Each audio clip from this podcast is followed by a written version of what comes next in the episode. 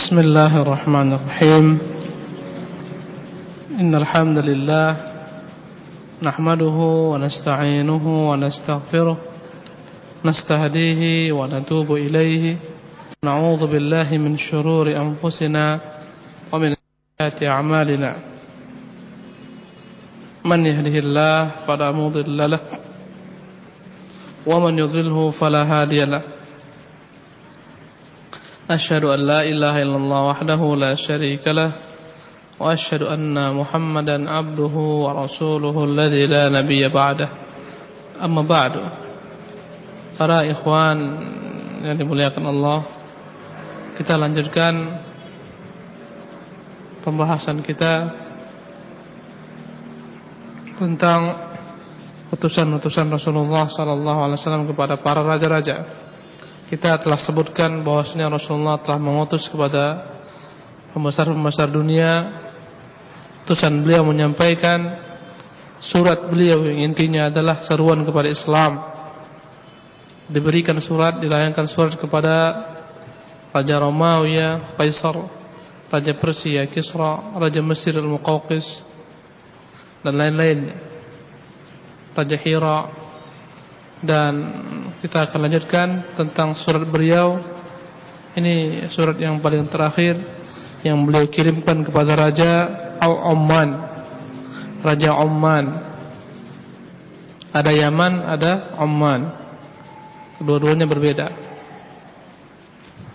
Maka Rasulullah sallallahu alaihi wasallam menuliskan surat beliau kepada Raja Oman yang bernama Jaifar dan putra mahkotanya adiknya bernama Abad ibni Al-Julaindi.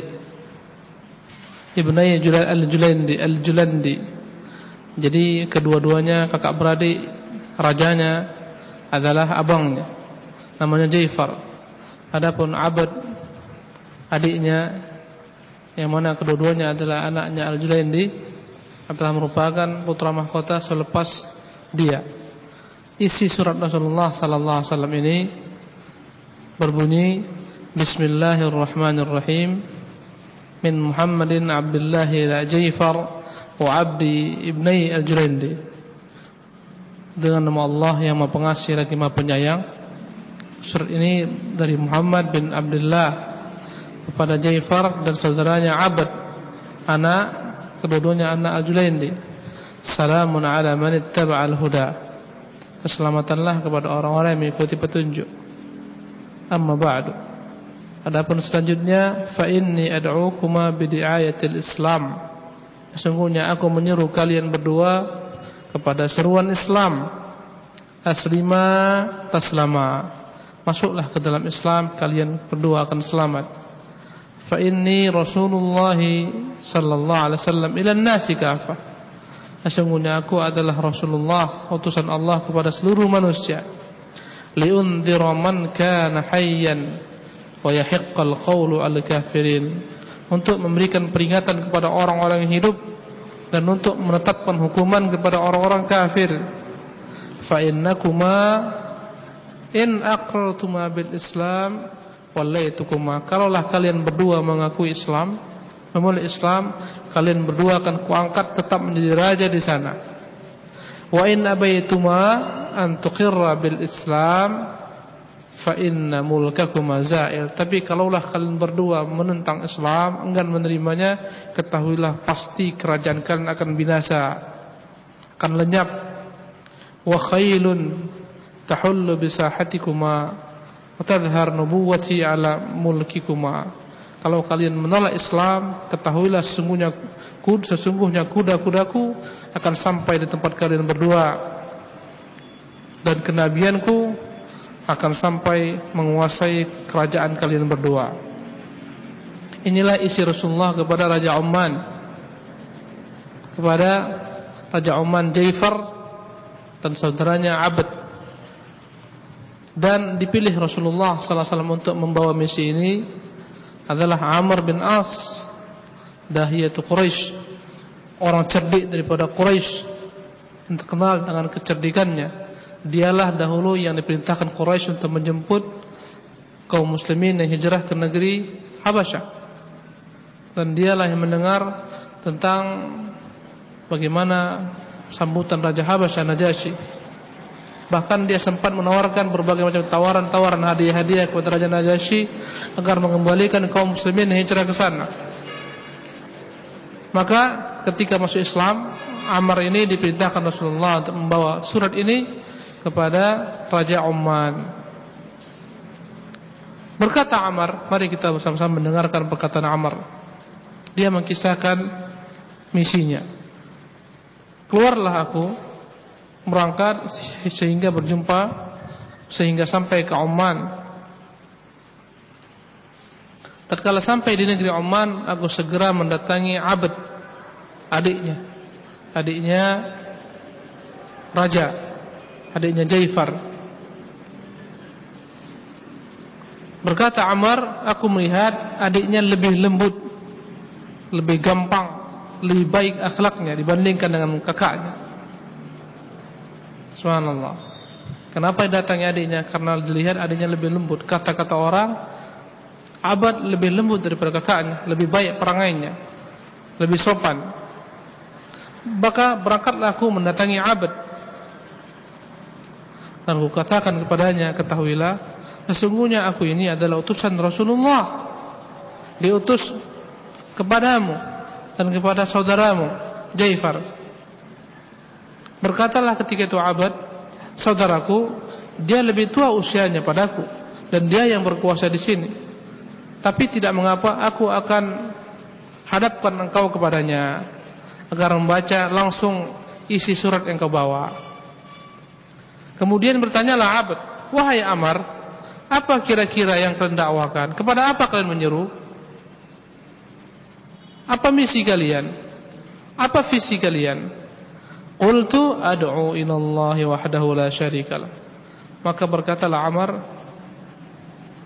aku menyeru agar manusia beragama kepada agama Allah, menyembah Allah semata tidak menyekutukannya. Wa ma 'ubida min duni. Dan aku datang menyerukan kepadamu agar engkau melepaskan segala macam sembahan-sembahan dari selain Allah wa tashhadu anna Muhammadan abduhu wa rasuluh. Misiku adalah agar engkau mau bersaksi Muhammad itu adalah hamba Allah dan rasulnya. Qala maka berkatalah Abd, ya Amru innaka ibnu sayyidi qaumik. Wahai Amru, aku tahu engkau adalah orang pilihan di kaummu. Engkau adalah anak pemimpin di kaummu orang tuamu adalah pemimpin di kaummu. Fa kaifa abuk? Yang pertama kali ditanyakannya adalah ketika datang agama ini kepadamu, engkau adalah anak pemimpin daripada kaummu. Bagaimana perilaku, bagaimana sikap orang tuamu menerima dakwah ini? Fa inna lana fihi. Berkata Abad karena kami akan menjadikan dia sebagai contoh, sebagai teladan kami, sebagai ikutan kami. Artinya Kalaulah orang tua menerimanya kami terima. Kalau orang tua menolak kami akan tolak. Karena orang tuamu lebih berakal daripadamu. Ya, menurut kebiasaannya. Ceritakan kepada aku kata Abad bagaimana sikap orang tuamu. Engkau anak pemimpin di kaummu bagaimana sikapnya ketika menerima dakwah ini. Ketika datang dakwah ini. Qultu berkata Amar. Mata walam yu'min bi Muhammadin sallallahu alaihi wasallam.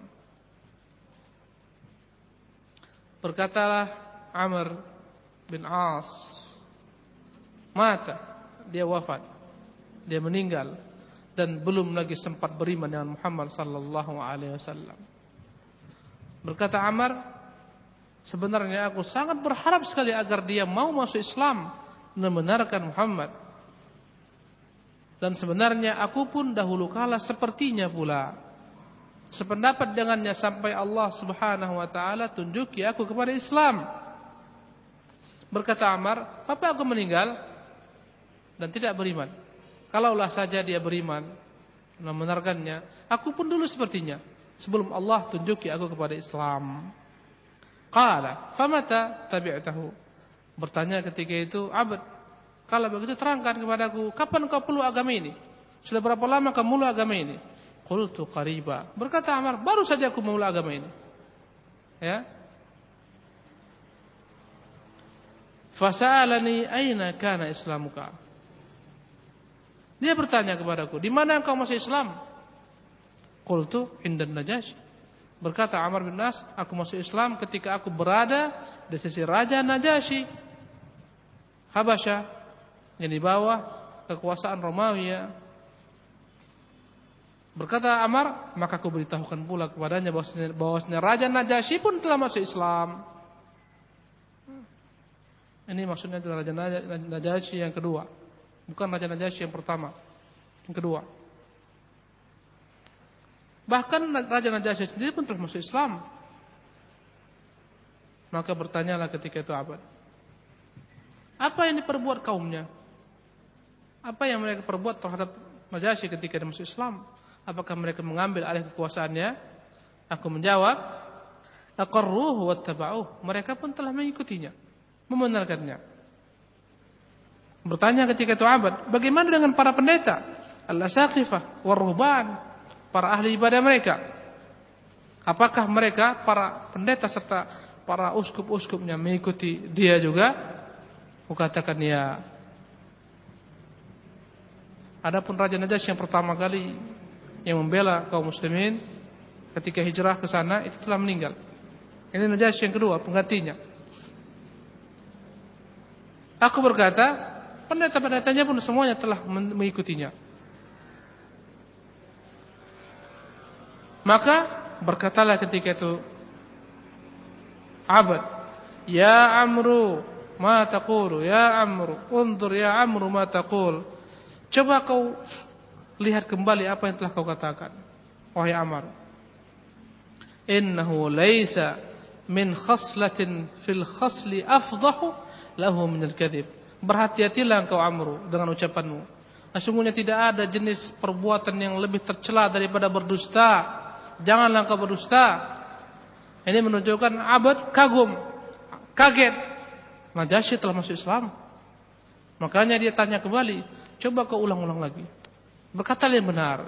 Tidak ada bagian daripada akhlak perilaku yang lebih jelek daripada berdusta. Coba kau katakan yang benar. Qultu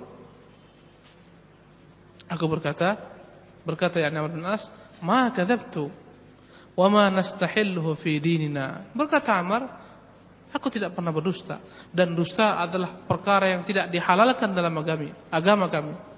Berkata Amr, bagaimana aku berdusta? Dusta itu diharamkan dalam agama kami. Tidak halal berdusta. Subhanallah. Ini agama Islam. Islam agama yang lurus. Dilarang berdusta, dilarang berkhianat walaupun dengan musuh-musuh sekalipun yang telah kita ikat perjanjian dengannya jangan diingkari. Berkata Amru, bagaimana aku berdusta? Agama kami tidak menghalalkan dusta. Thumma qala. Kemudian bertanya kembali abad, Ma ra'yu Hirakil alim bi Islamin Najasyi? Bagaimana pendapat Hirakil? Heraklius ketika dia mengetahui Najasyi telah Islam.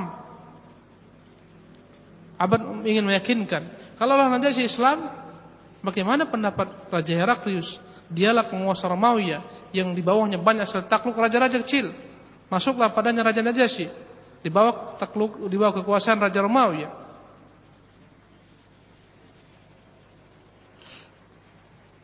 Apakah Heraklius mengetahui keislaman Najasyi? Aku menjawab ya. Maka dia bertanya, dari mana kau tahu bahwasanya Heraklius tahu tentang keislaman Najasyi? Aku menjawab, Najasyi biasanya setiap tahun mengeluarkan upeti yang dia bayar kepada Raja Romawi, Heraklius. Tatkala dia telah masuk Islam, dia benarkan Muhammad, maka berkatalah Raja Najasyi, "Wallahi, la wallahi law sa'alani dirhaman wahidan ma'taitu." Setelah Najasyi masuk Islam, dia berkata demi Allah, demi Allah, satu dirham pun tidak akan pernah aku berikan sebagai upeti kepada Raja Romawi setelah aku masuk Islam. Tatkala sampai berita ini bahwa Najasyi menolak untuk memberikan upeti kepada Raja Heraklius, Maka berkatalah ketika itu orang-orang sekelilingnya, prajurit-prajurit utamanya, menteri-menterinya, wahai raja, wahai raja Romawi ya, wahai Heraklius, bagaimana kau biarkan hambamu tidak lagi membayar upeti kepadamu? Protes ketika itu para petinggi-petinggi istana. Mereka menuntut agar Raja Heraklius tegas. Wahai raja, bagaimana mungkin hambamu tidak lagi mau membayar kepadamu upeti? Kau biarkan begitu saja. Apalagi dia sekarang telah beragama, agama baru dan tidak mengikuti agamamu. Apa jawaban Heraklius? Biarlah dia ingin memilih agama untuk dirinya sendiri. Dia telah memilih agama untuk dirinya sendiri. Apa yang harus kuperbuat? Biarlah dia dengan pilihannya. Berkata Raja Heraklius, "Wallahi laula dhannu bimulki la sana'tu kama sana'. Demi Allah, kalaulah aku tidak khawatir kerajaanku ini, kekuasaanku ini akan hilang, pasti aku pun berbuat yang sama dengan dia. Subhanallah. Raja Romawi ya, Raja Heraklius benar-benar ingin masuk Islam, tapi dia lebih mengutamakan dunianya, lebih mengutamakan kerajaannya. Dan banyak orang terhalang hidayah gara-gara kekuasaan. Maka penghalang di antara sekian penghalang hidayah masuk adalah kekuasaan. Banyak sekali para penguasa-penguasa yang sulit menerima dakwah, menerima Islam. Yang menghalangnya adalah kekuasaannya. Dia tahu itu benar, dakwah itu benar, dakwah itu hak, tapi kekuasaannya yang dikhawatirkan hilang. Namanya, nama besarnya, mengikutnya. Maka ini penghalang-penghalang dakwah. Maka lihatlah paling banyak menghalangi dakwah adalah al-mala'u, para pembesar-pembesar setiap negeri.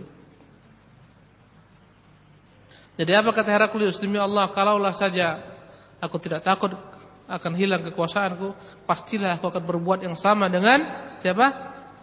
Najasyi. Kembali berkata ketika itu Abad meyakinkan, "Wahai Amar, coba kau ulangi kembali, coba kau perhatikan kembali apa yang kau katakan." Jangan kau berkata-kata ya dusta. Berkata Amar, "Wallahi sadaqtuka." Demi Allah, aku berkata jujur denganmu. Jadi seolah-olah Abad nggak percaya. Sampai-sampai Raja Heraklius pun berkata demikian. Coba kau uh, pikirkan kembali apa yang kau katakan itu. Jangan-jangan salah.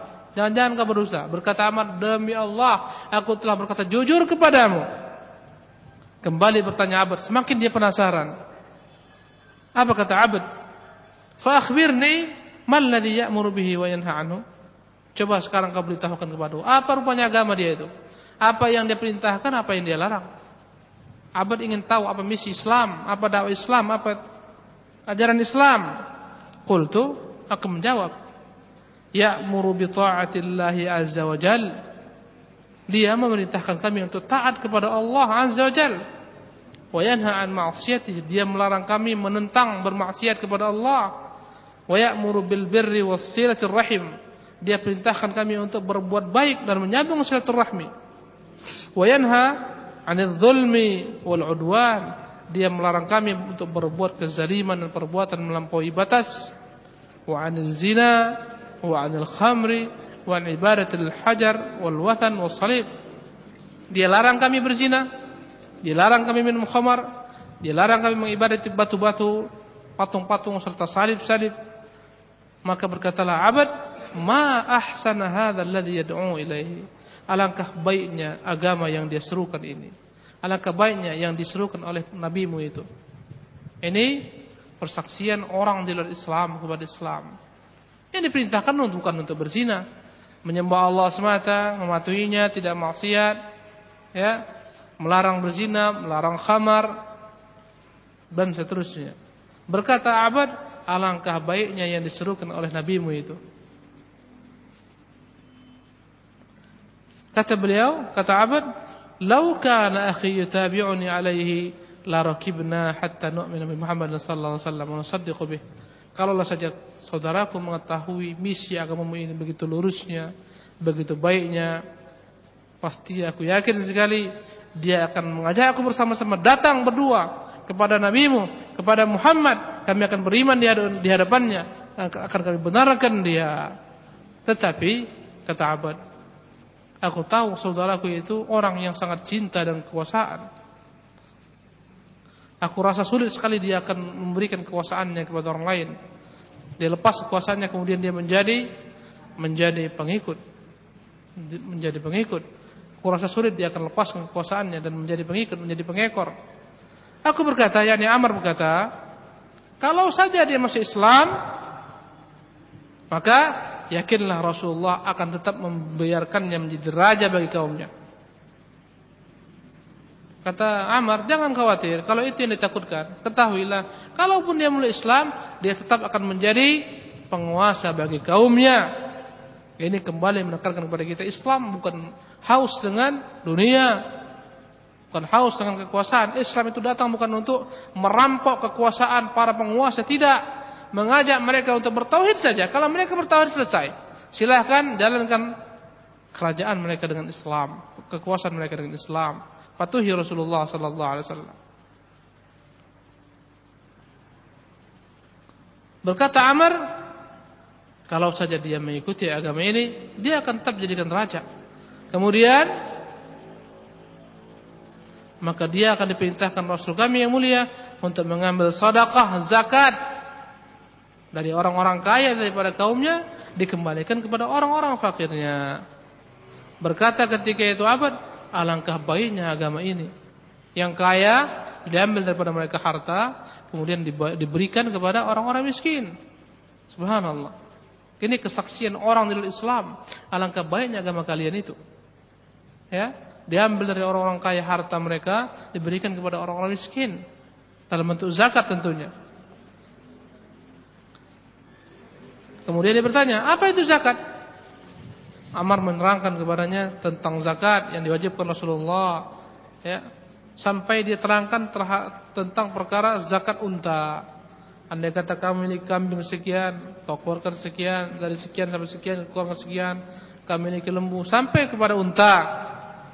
Maka dia berkata, "Ya Amru, wahai Amar, apakah akan diambil kelak dalam bentuk zakat dari ternak-ternak kami yang kami biarkan dia mencari makan sendiri, cari minum sendiri. Aku menjawab, ya, akan diambil. Berkata abad, wallahi ma ara qaumi fi bu'li darihim wa kathrati adadihim yuti'una lihada. Kalaupun benar yang kau katakan demi Allah, aku khawatir. Jangan-jangan kaumku, tempat mereka yang berjauhan dari sini, dari kekuasaanku, tidak mau patuh apa-apa yang kau perintahkan ini.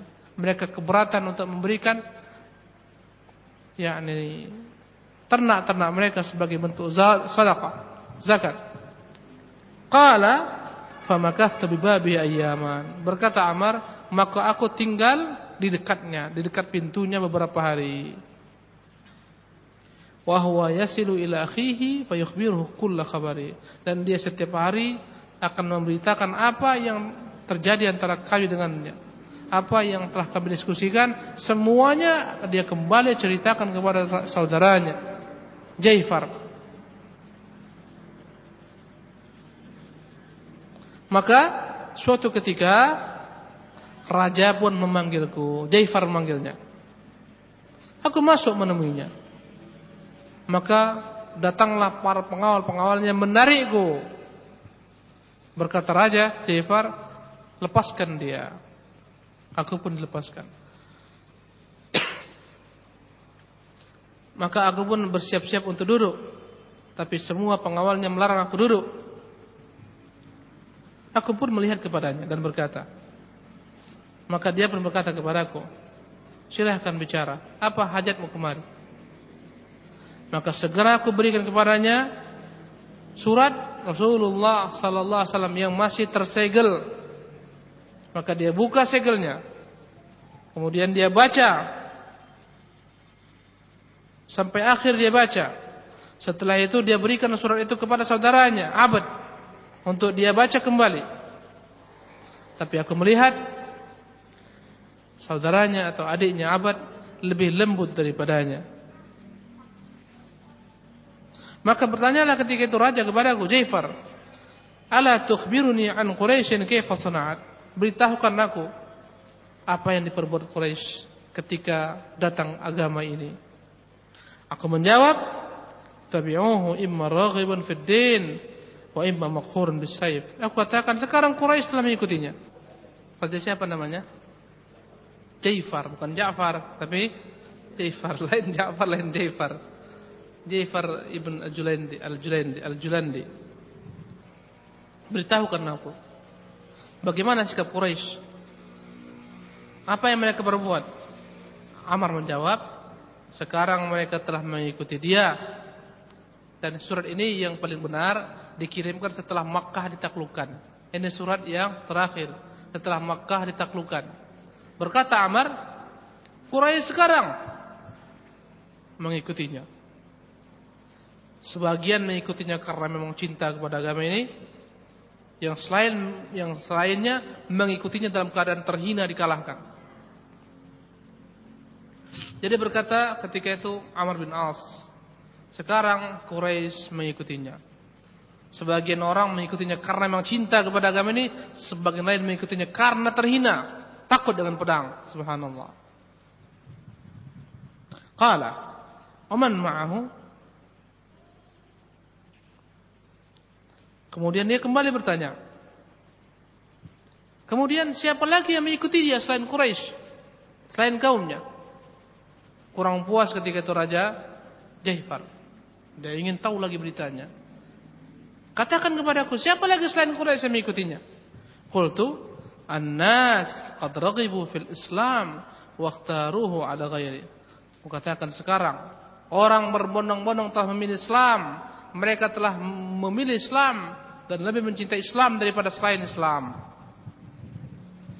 Wa 'arafu bi'uqudihim ma'ah hudallahi iyyahum annahum kanu fi dhalal. Sekarang orang-orang telah masuk Islam dengan akal mereka mereka menimbang bahwasanya inilah agama yang benar dengan akal mereka dengan hidayah Allah kepada mereka mereka meyakini bahwasanya mereka benar-benar dalam kesesatan yang nyata bahwasanya agama mereka adalah agama yang batil kata Amar wahai raja ya sekarang bukan hanya Quraisy bahkan orang-orang pun telah berbondong-bondong mulu agama ini dengan akal mereka mereka timbang bahwasanya memang mereka sebelumnya dalam kesesatan Subhanallah. Tentu raja semakin penasaran ini lagi. Apalagi kata Amar, "Fama a'lamu ahdan baqiya ghairuka fi hadhihi al-kharijah." Aku enggak tahu lagi ada orang yang tidak menerima agama ini kecuali engkau saja di tempat ini. Ketahuilah diancam sama Amar. Subhanallah. Amar sendiri ngancam raja. Apa kata Amar? wa anta in lam taslam al-yawma wa tabi'tahu tawti'uka al-khailu wa tabidu khadra'ak kau ketahuilah ketahuilah raja jika tidak hari ini kau ikuti dia atau besok kau ikuti dia yakinlah sungguhnya kuda-kuda Muhammad akan sampai ke tempatmu dan akan menghabisi seluruh kekuasaanmu ini subhanallah ancaman sendiri dengan ancam raja itulah kaum muslimin ya sekarang kaum muslimin di mana-mana enggak ada artinya Ya, dahulu kala satu orang kaum muslimin bagikan seribu orang. Sekarang seribu orang kayak nggak ada aja orang. Ini muskilahnya kaum muslimin. Ketika mereka nggak punya agama, nggak punya akidah. Nanti lihatlah di mana-mana kaum muslimin kayak nggak ada harga. Ini darah yang paling murah itu darahnya orang Islam di mana pun mereka berada. Di Indonesia kah mereka? Di mana-mana paling murah. Di Palestina, di Irak, gak ada harganya. Ya, tapi lihatlah para pendahulu kita, as-salafus saleh, Subhanallah. Satu orang yang berani ancam raja. Kalau kau tidak mau meluk agama ini, kalau enggak sekarang, besok yakinlah akan datang kepadamu kuda-kuda kami akan menghabisi kerajaanmu ini sepenuhnya.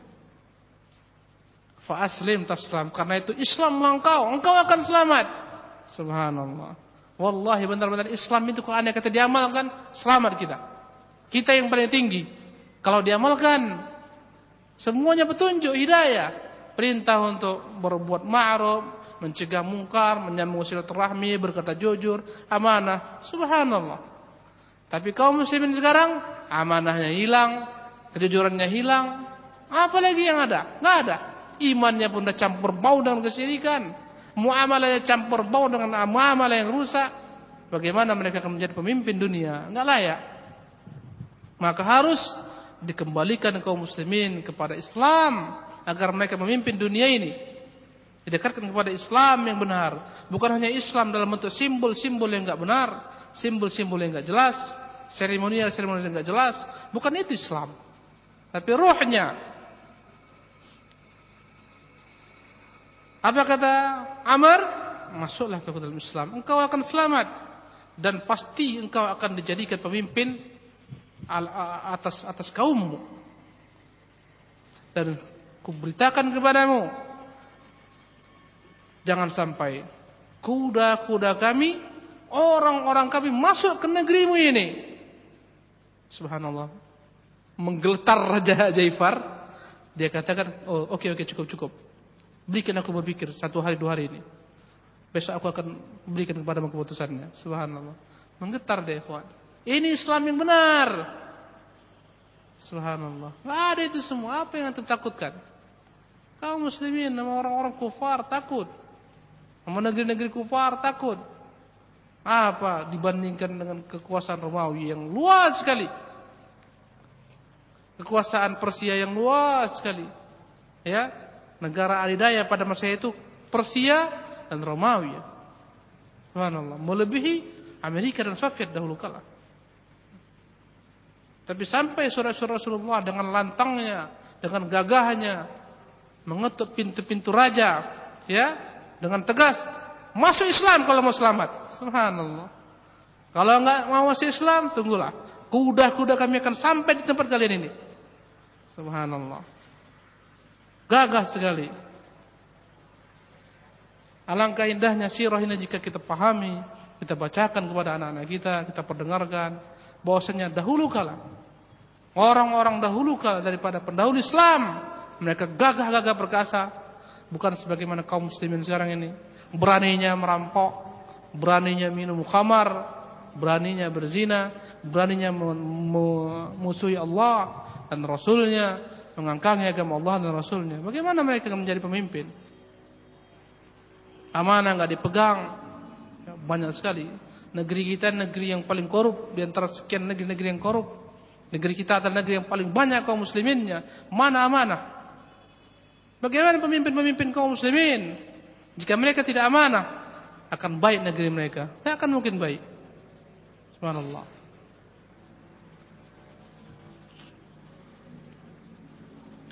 Berkata ketika itu Jafar, cukup cukup.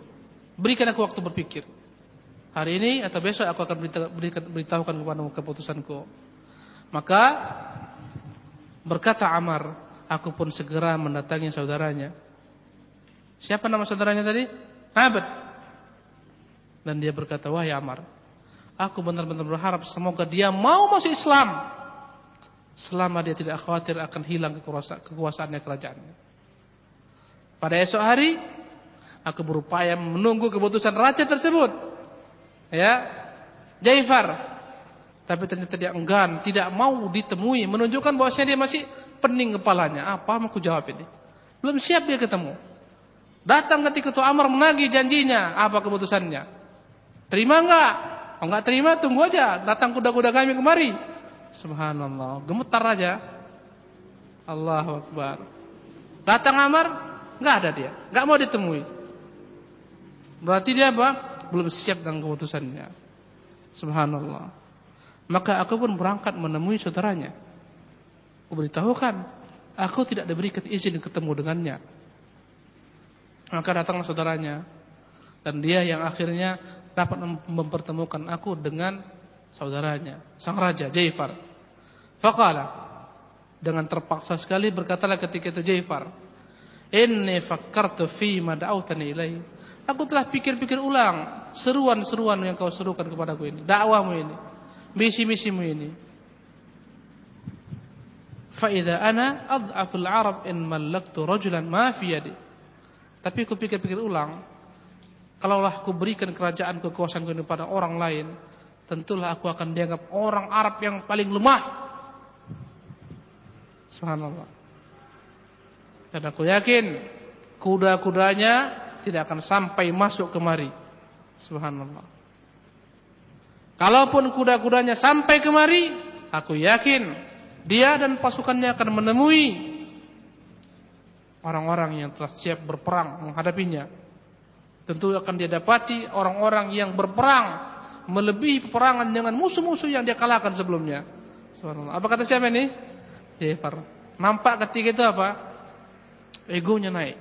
Gak bisa seperti gini. Enak kali dia mengambil kerajaanku, gak bisa. Kalau kuserahkan begitu aja, enak kali dia. Apa kata orang? Orang yang bangsa adalah raja paling lemah, gak bisa. Silahkan datang kudanya. Aku yakin kudanya jauh dari sini. Kalaupun sampai kemari, dia akan bertemu dengan orang-orang yang memang terlatih untuk berperang, yang tidak akan pernah dia jumpai sebelumnya. Subhanallah. Kembali Ahmar menekankan, wahai raja, oke, okay, aku besok akan kembali kepada Muhammad. Aku kembali kepada Rasulku. Subhanallah. Diancam, oke, okay, itu keputusanmu? Oke. Okay. Besok aku akan segera tinggalkan negerimu ini. Ini akan kubawakan kepada Rasulku yang mulia. Ini yang kau jadikan sebagai statementmu. Ini yang kau pilih. Akan kusampaikan besok. Ketika aku bertemu dengan Nabiku. Subhanallah. Malam harinya berpikir-pikir kembali. Jafar. Kemudian. Dia pun bertemu dengan saudaranya. Abad.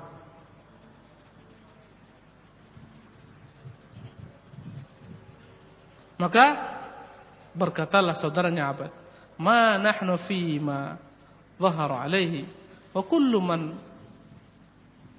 ursila ilaihi qad ajabah, qad ajabahu." Kenapa kita harus membangkang? Kata adiknya, adiknya oh, kembali mm, mengajak dia berpikir ulang. Kenapa kita harus tolak, Bang? Setiap yang dia seru telah menerima agama ini. Kenapa kita harus tolak? Ini agamanya agama yang baik. Tidak ada pada celaan. Ingat janji-janjinya. Kalaupun kita terima, kita nggak akan diambil kerajaan kita. Kapan lagi kita akan terima? Kalau kita biarkan, besok dia akan bawa keputusan ini, hancurlah kita semua. Subhanallah. Ya, ini diskusi terakhir ini. Malam itulah malam terakhir. Kalau nggak juga besok selesai. Akhirnya adiknya berhasil memuaskan dia agar segera menerima seruan Islam. Besok pagi sebelum berangkat dia terangkan kami tadi malam berpikir kami telah siap menerima Islam. Kedua-duanya pun masuk Islam, membenarkan Rasulullah sallallahu alaihi wasallam. Bahkan ketika itu Amr diperintahkan untuk mengambil sedekah, zakat, untuk memungut sedekah daripada kaumnya. Kemudian berkata Amar, "Wa kana li aunan ala man khalafani." Bahkan keduanya menjadi tameng bagiku. Siapa saja yang menentangku daripada pengikutnya, rakyatnya, keduanya akan menjadi perisai bagiku. Ini akhir daripada surat yang dilayangkan Rasulullah kepada para raja-raja. Dan ini surat ini menunjukkan bahwasanya yang benar surat satu ini dikirimkan Rasulullah setelah Makkah ditaklukkan setelah orang-orang Quraisy masuk Islam. Dengan ini maka telah sampailah misi Islam ke seluruh penjuru dunia, ke tempat-tempat yang penting-penting. Di antara mereka ada yang beriman, di antara mereka ada yang tidak mau beriman, tapi minimal mereka telah tahu ada Islam. Telah tegak hujah kepada mereka. Ada Islam, agama yang telah menaklukkan raja-raja besar, membuat getar penguasa-penguasa dunia. Inilah misi Rasulullah sallallahu alaihi wasallam. Insyaallah taala minggu depan kita akan membahas tentang fase kedua setelah Sulh Hudaybiyah yakni bagaimana Rasulullah sallallahu alaihi wasallam ingin menuntut balas kepada sekutu-sekutu Quraisy. Setelah Quraisy musuh yang paling keras permusuhan kepada Islam menyerah. Menggencatan senjata. Tinggallah masanya untuk menghabisi musuh-musuh yang lainnya. Ya. Tinggal dua, Ghatafan, Yahudi. Dan ketika itu Rasulullah melihat Yahudi ini yang paling parah, dialah sumber segala macam biang kerok yang mengawarkan peperangan, yang menggalang persatuan, persekutuan antara orang-orang kufar untuk menghabisi Islam. Maka Rasulullah siapkan tentaranya untuk menghabisi orang-orang Yahudi yang berdiam di Khaybar. Dan Khaybar dijadikan mereka sebagai basis mereka. Markas besar mereka. Setiap bentuk makar-makar yang akan mereka lancarkan di sana dirampungkan. Maka Rasulullah SAW bersiap-siap dengan bala tentaranya akan menaklukkan benteng Khaybar dan insyaallah kisah ini kita akan lanjutkan di kesempatan yang akan datang. Aku qawli hadza wa astaghfirullah li wa wa atubu ilaihi wa sallallahu wa sallam ala Muhammadin wa akhir da'wana alhamdulillahi rabbil alamin.